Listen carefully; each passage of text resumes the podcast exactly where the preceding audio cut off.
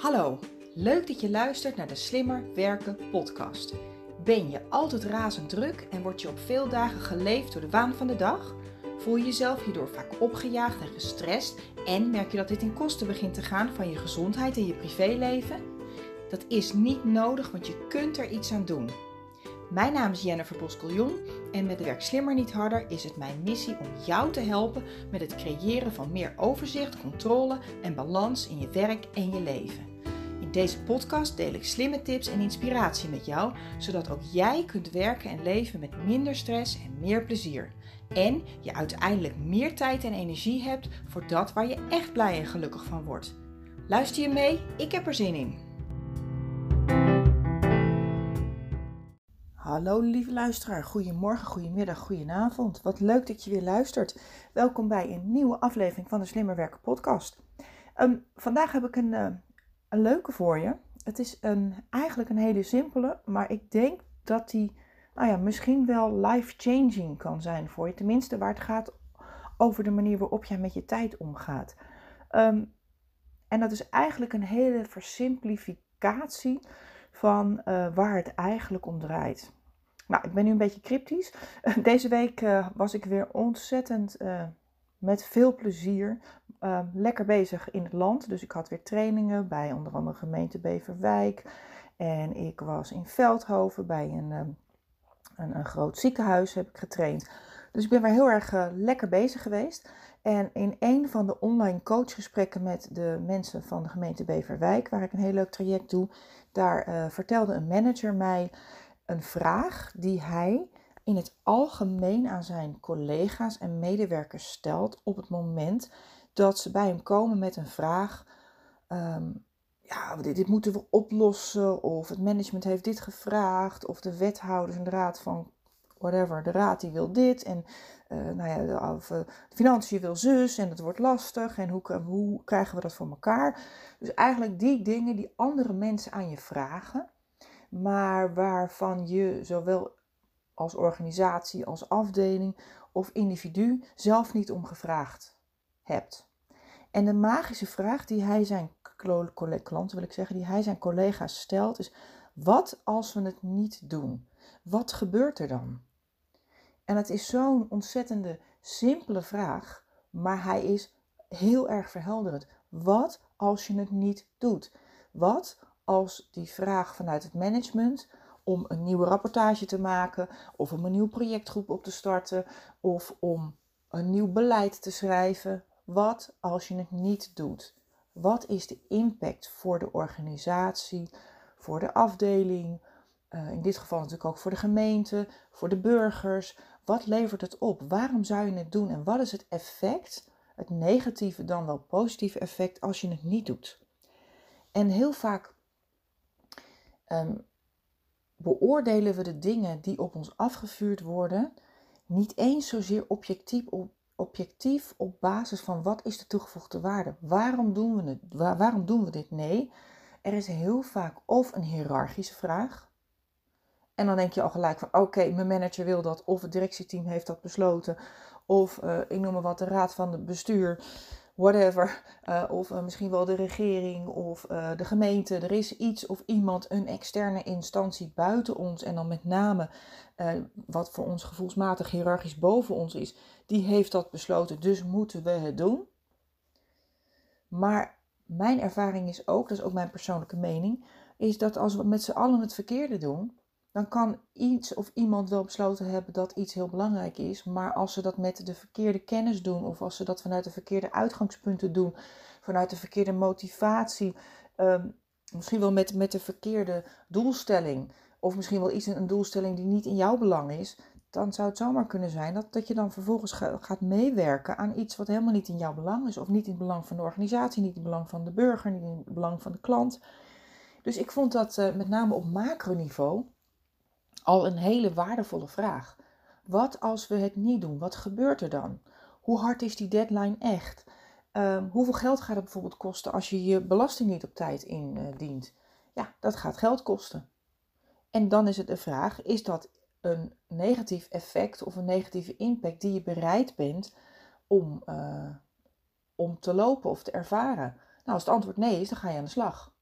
Maar er zijn ook heel veel van dat soort dingen die we gewoon doen, puur vanuit, wat ik net al aangaf, een hiërarchische vraag.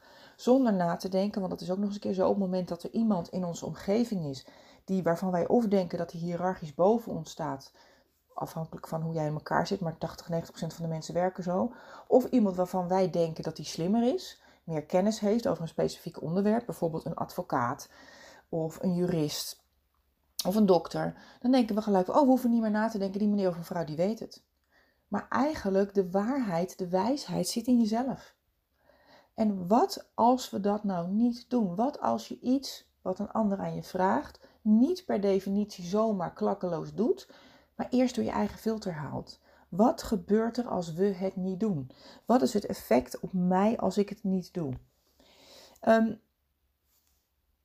dan heb je naast de hiërarchie heb je ook nog een heleboel mentaal, of met name psychologisch, sociaal, emotionele overwegingen waarom wij het lastig vinden om uh, helder te denken als iemand anders iets aan ons vraagt. Want het kan ook die collega zijn, het kan ook je kind zijn, het kan ook je zus zijn of je broer of je buurvrouw of je buurman. Die je gewoon vraagt van zou je me willen helpen met het winter klaarmaken van de tuin? Of uh, mama, ik kan mijn gymspullen niet vinden.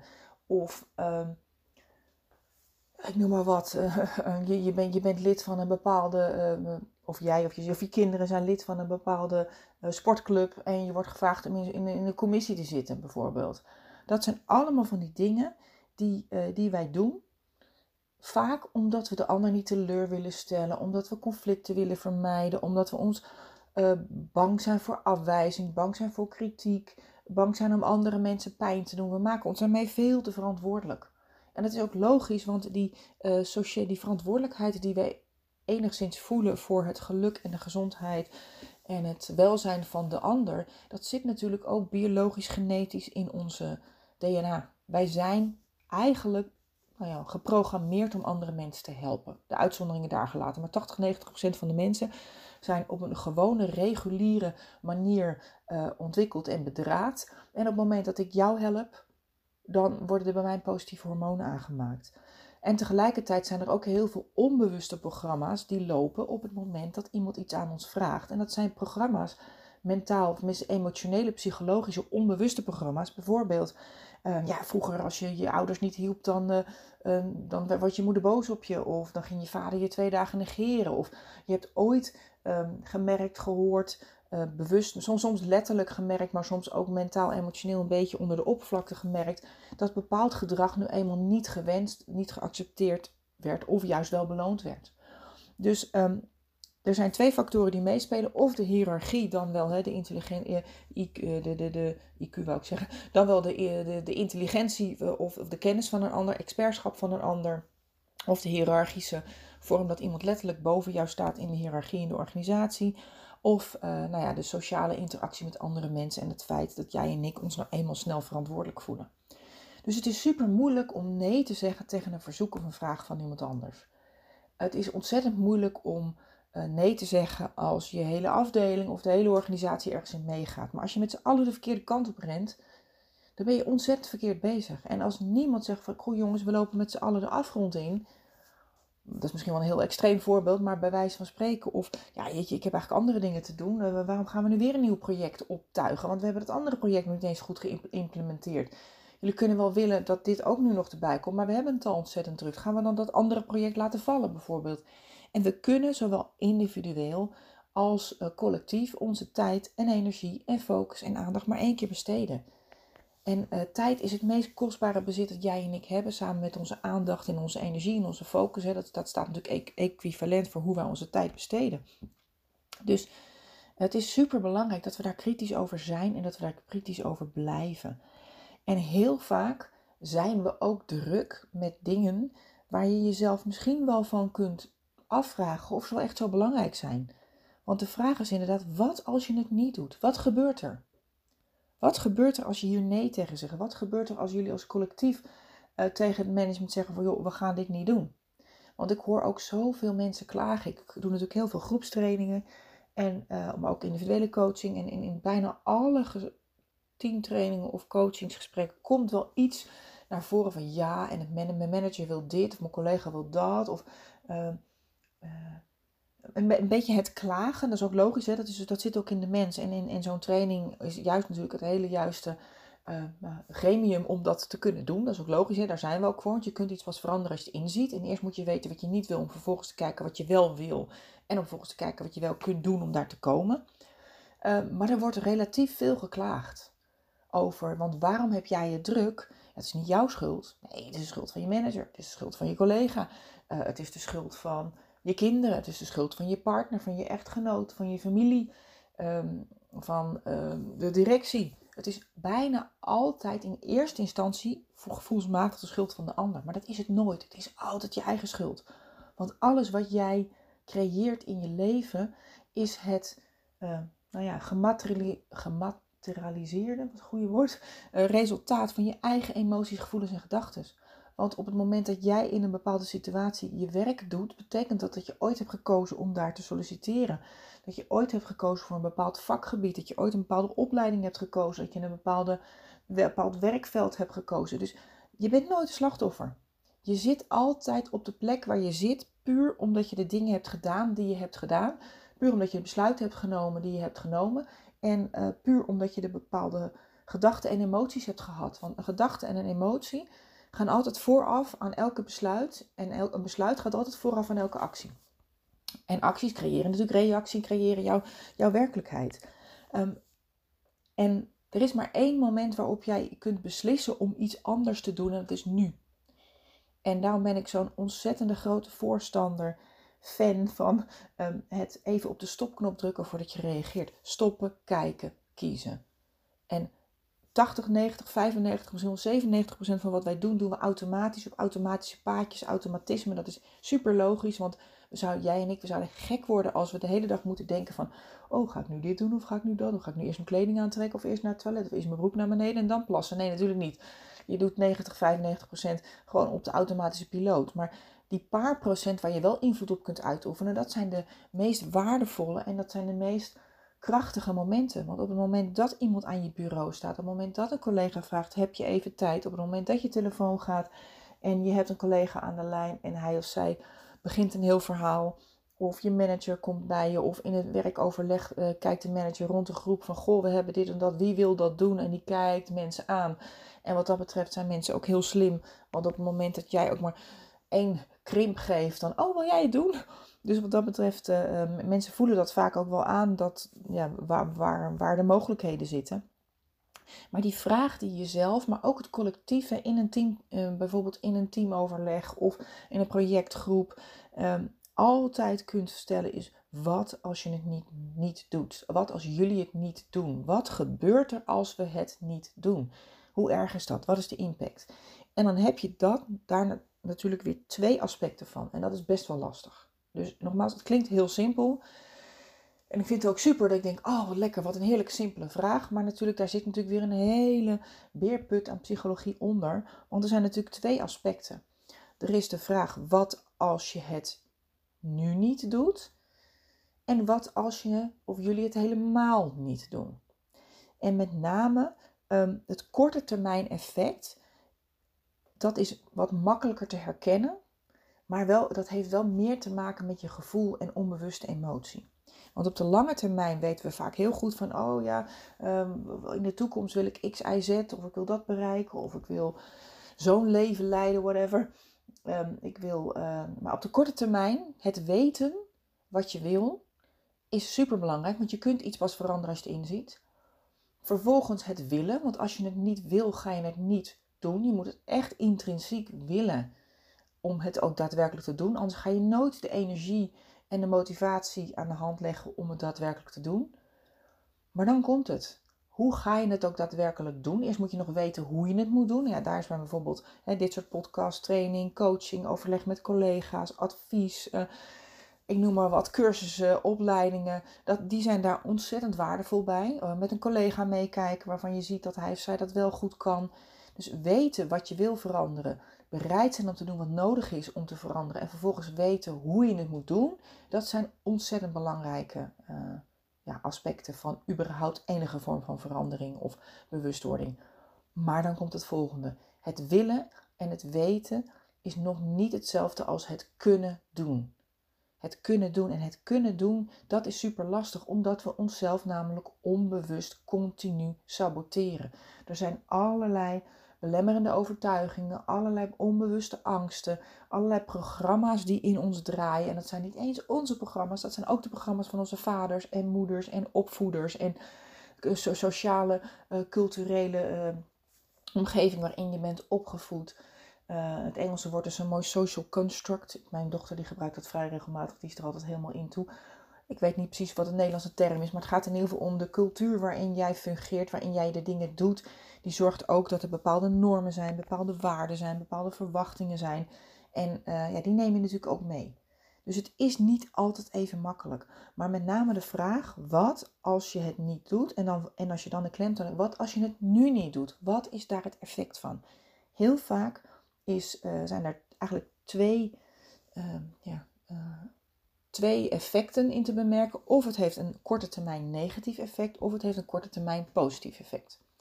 Heel vaak zijn de dingen die we, uh, die we doen, doen we eigenlijk om iets te vermijden.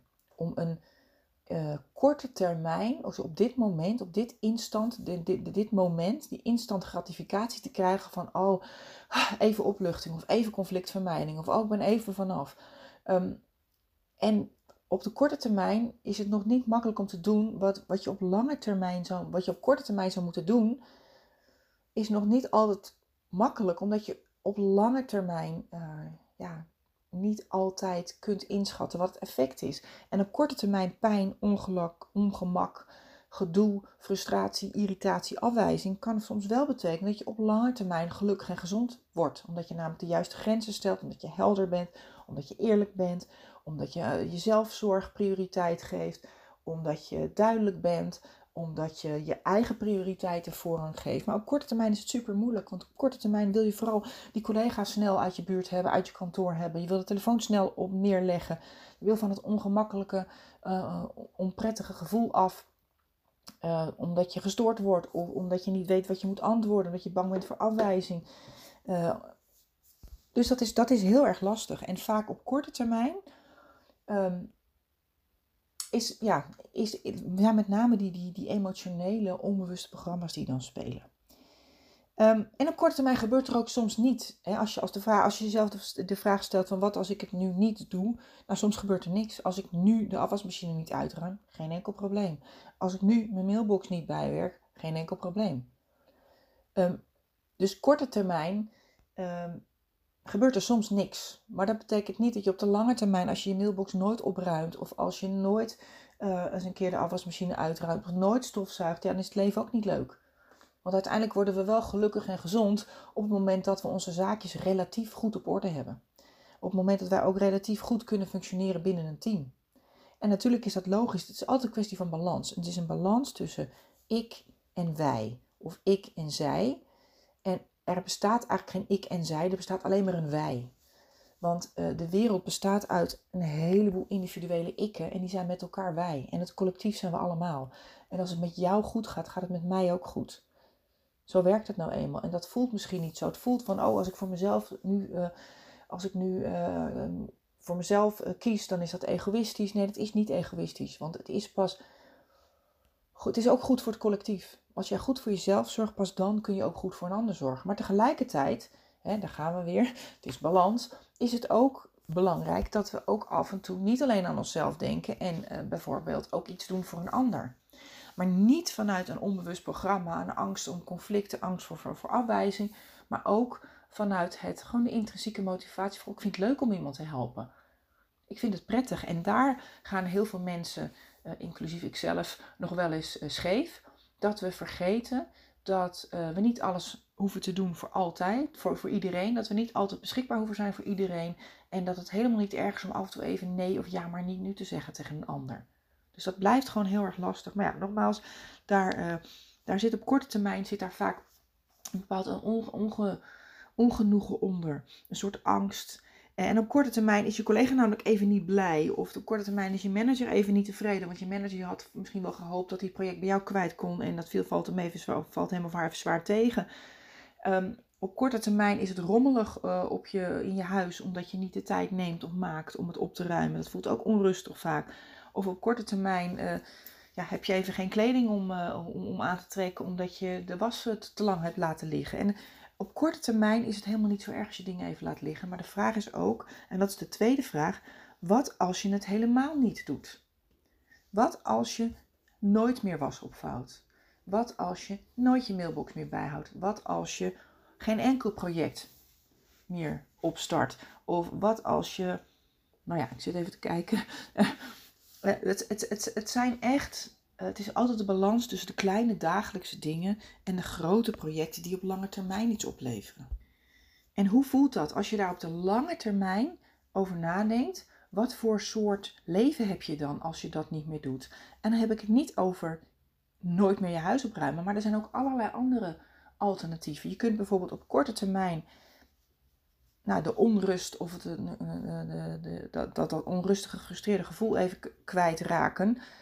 Um, of even loslaten. Om bijvoorbeeld op korte termijn even wel door het oncomfortabele gevoel heen te gaan. Om even de tijd te maken om iemand te instrueren. Misschien kan een van je kinderen in huis wel iets doen. Of misschien kan je collega wel uh, iets opnemen um, voor jou. Of je mailbox bijhouden. Of misschien kun je afspreken dat je takenpakket enigszins aanpast. Um, dus het feit dat jij het niet doet. Of dat jij het nooit meer doet. Betekent natuurlijk ook niet dat het nooit meer gebeurt. Maar met name... er is ook heel veel winst te behalen in het delegeren van taken, in het uitbesteden van taken, in het verdelen, anders verdelen van de taken. Um, maar ook gewoon collectief met elkaar bedenken van waarom doen we dit? Wat gebeurt er in de organisatie, in de wereld als we dit helemaal niet meer doen? En dan heb ik het met name over grote projecten, uh, uh, nou ja, misschien wel wet, regelgeving, uh, processen, procedures, met name de papieren tijgers. En ik kom in heel veel organisaties tegen dat er heel veel dingen gebeuren, dat er allerlei procedures zijn met mensen die dingen moeten checken, dubbelchecken, afvinken, wekelijkse vergaderingen, overleggen, status-updates, rapportages, waarvan gewoon minimaal de helft zo de prullenbak in kan. Mensen doen het omdat iemand ooit een keer gedacht had dat het wel een goed idee zou zijn om te doen. Ehm, en die persoon is er misschien niet eens meer. Dat is ook nog eens een keer gek gegeven. Hè? Dat iemand ooit iets bedacht heeft. Die persoon is vervolgens al lang drie banen verder. Maar de collega's die zijn achtergebleven, die hebben elke keer de nieuwe collega's geïnstrueerd van ja, zo doen we het nou eenmaal. Ja, dat lijstje, ja, dat wil mijn manager. Ik weet ook niet waarom, maar dat heb ik al, uh, ja, ik maak het mij elke week voor. Zo over, ja, ik bedoel, uh, de directiebestuur die wil nou eenmaal wekelijks of maandelijks die rapportage hebben. Of ja, die, die klantverslagen, ja, die moeten nou helemaal in het systeem. Want als, ja, dat hebben we nou helemaal met elkaar afgesproken. En inmiddels dus doen heel veel mensen iets, terwijl niemand eigenlijk nog precies weet waarom het gebeurt en wat het nut is. Um, en dan is ook nog eens een keer de vraag: moet het ook allemaal zo uitgebreid? Zo heb ik jarenlang uh, best wel uitgebreide verslagen geschreven voor mijn coachklanten. Ten eerste nam ik daarmee de verantwoordelijkheid van mijn uh, klanten over, van de mensen die coachten. Want ze dachten: oh, Jennifer die regelt het wel. En ten tweede was het gewoon ontzettend veel werk voor mij. Het was ook niet het leukste werk om te doen. Het voelde altijd als een moedje. Oh, dan had ik een leuk gesprek gehad. Oh, ik moet nog een verslag maken. Dus het kostte mij ontzettend veel tijd. Leverde ook nog eens een keer frustratie op. En tegelijkertijd merkte ik dat de andere partij het eigenlijk helemaal niet las. Ze scanden het een beetje door. En ik moet zeggen dat ik er nog niet helemaal ben nu ik mezelf dit uithoor spreken. Het kan nog veel beknopter. Tegenwoordig schrijf ik alleen maar de actielijsten op. En heb ik een aantal algemene uh, handouts gemaakt over specifieke onderwerpen. Dus als ik het met deze persoon heb gehad over plannen, dan stuur ik de bijlagen in de mail over met tips voor plannen. Of als ik het heb gehad over e-mail of over nee zeggen of over uitstelgedrag, dan krijgen ze van mij de bijlagen over uitstelgedrag of over, over nee zeggen. Dus dat scheelt wel. Maar nogmaals, ik ben me nog steeds van bewust dat ik nog veel te veel verantwoordelijkheid overneem. Eigenlijk zou het voldoende moeten zijn als mijn klant gewoon zijn of haar eigen acties noteert, eh, de tips, et cetera, eh, voor zichzelf noteert en een afspraak met zichzelf maakt om één of twee keer per week dat zijn eigen aantekeningen even door te lezen. Of de, de, de handout die ik hem heb gestuurd even door te lezen. Dus bij deze. Nou, dat is wel eventjes iets wat ik eh, van nu af aan toch stringenter ga doen. Um, maar de, de magische vraag die ik je wil meegeven is: uh, wat als jij of jullie het niet doen? Dan heb je nog de subvraag: wat als je het nu niet doet? Hè? Korte termijn versus lange termijn. Um, en hoe komt dat? zeg maar, wat is het effect als je het nu niet doet? Um, En vervolgens, wat als jij of jullie het helemaal niet doen, meer doen? Wie gaat er dan dood? Hoeveel bloed vloeit eruit? Misschien is er een manager of een directielid een tijdje ontevreden.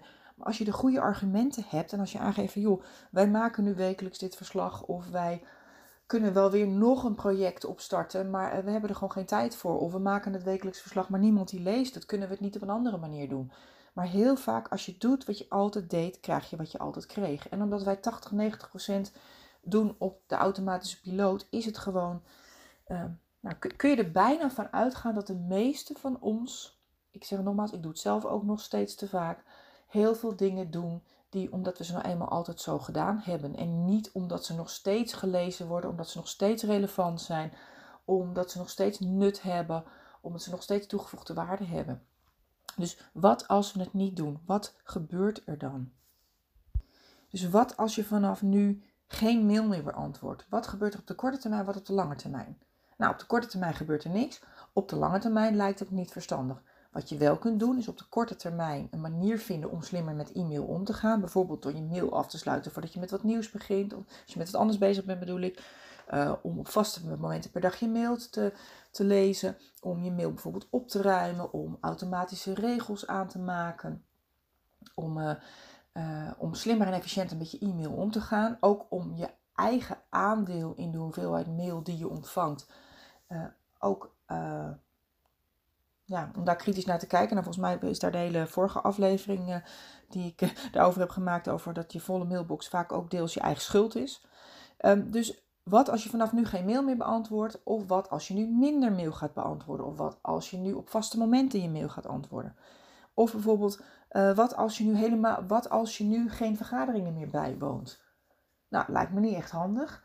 vergaderingen hebben echt wel nut en noodzaak. Maar wat als je deze vergadering niet bijwoont. Of wat of als je alleen maar gedeelte van de vergaderingen bijwoont. Of wat als je in plaats van elke week vergadert, één keer in de twee weken vergadert. Dat zijn allemaal van die dingen die je kunt doen. Maar die kun je pas veranderen als je jezelf die vraag stelt. Wat gebeurt er als ik het niet doe? Hetzelfde geldt voor grote projecten. Het is super leuk. Ik kan ook zo tien dingen bedenken die ik kan doen om mijn werk makkelijker te maken, verder te automatiseren, meer klanten te kunnen bereiken. Super leuk, maar tegelijkertijd heb ik ook nog iets als huidige klanten waar ik gewoon mezelf aan gecommitteerd heb. Maar ik heb ook nog zoiets dat ik tegenwoordig niet meer werk om het werken. Ik werk omdat ik plezier wil hebben en ik werk omdat ik het leuk vind en omdat ik het verschil wil maken. Maar ik zit er niet meer op te wachten om elke avond uh, dingen te moeten doen. Dat heb ik jarenlang in het verleden wel gedaan. Twee, drie avonden in de week gewerkt. En omdat ik het ook leuk vond en ik was gepassioneerd daarover en ik had een drive.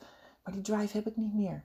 Ik wil gewoon lekker s'avonds naar yoga. Of ik wil met een vriendin wat leuks doen. Of ik wil een goede film kijken met mijn man op de bank.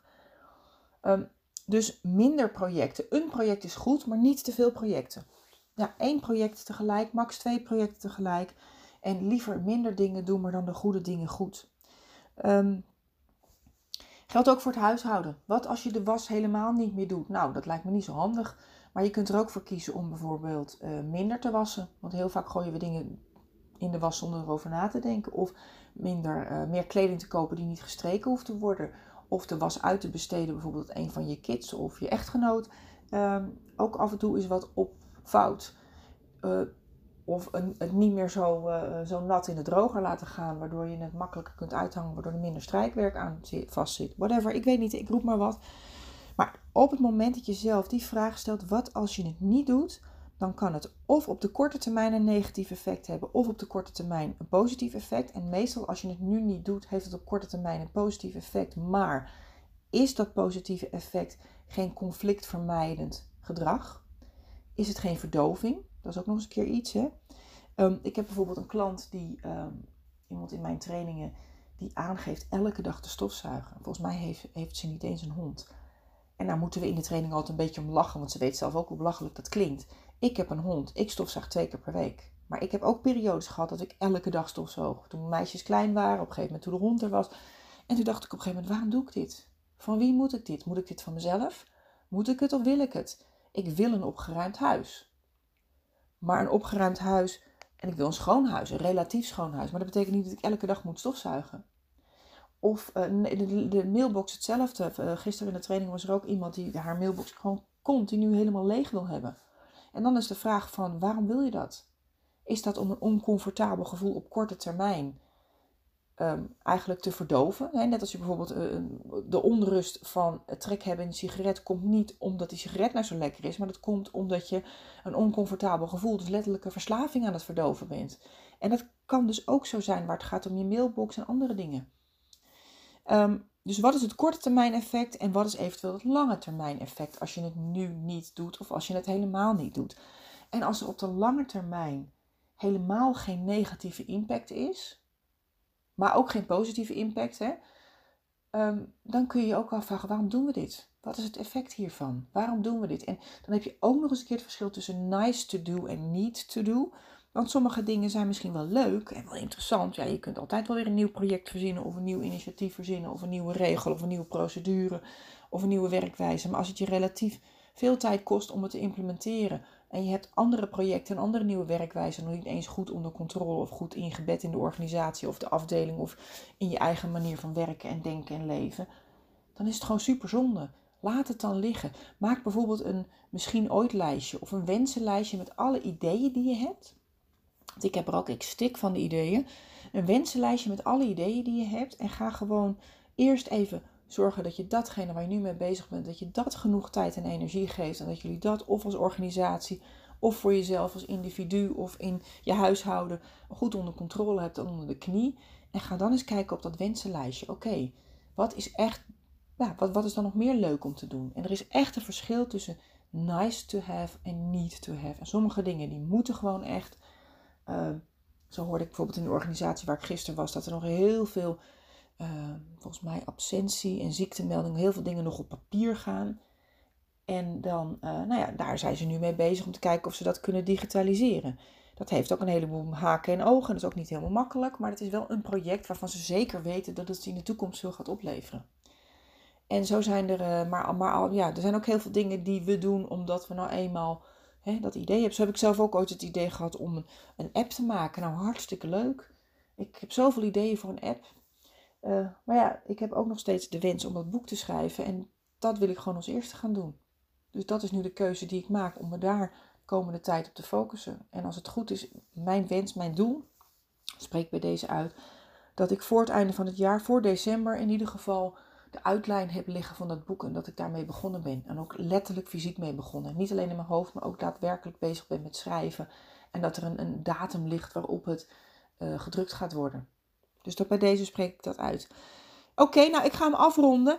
Het belangrijkste dat je bewust bent. Pak het bewust moment. Stoppen, kijken, kiezen. Voordat je reageert. Voordat je uh, weer een nieuw project opstart. Of ja zegt tegen een vergadering. Of je manager weer met een leuk idee komt.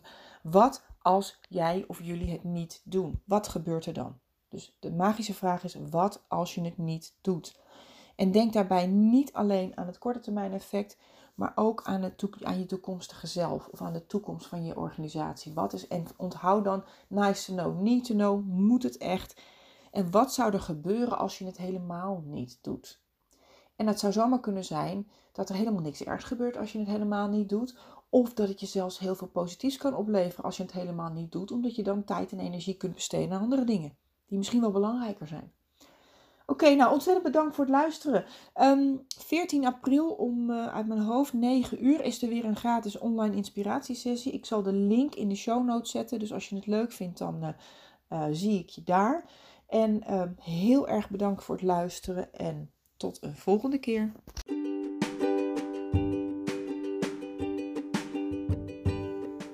Bedankt dat je hebt geluisterd naar de Slimmer Werken podcast. Ik vertrouw erop dat je ook deze keer weer nieuwe ideeën en inspiratie hebt opgedaan. Met Werk Slimmer niet harder wil ik zoveel mogelijk mensen inspireren om slimmer te werken met betere resultaten en meer plezier. Ik nodig je dan ook uit om deze podcast te delen met iedereen die je dit ook gunt. Verder zou ik het heel leuk vinden om van jou te horen wat deze aflevering je heeft opgeleverd en natuurlijk wat je ermee gaat doen. Stuur me dan een bericht of tag me op social media. En wil je nog meer tips en inspiratie? Kijk dan op wsnh.nl voor artikelen en downloads. Heel veel succes en graag tot de volgende keer.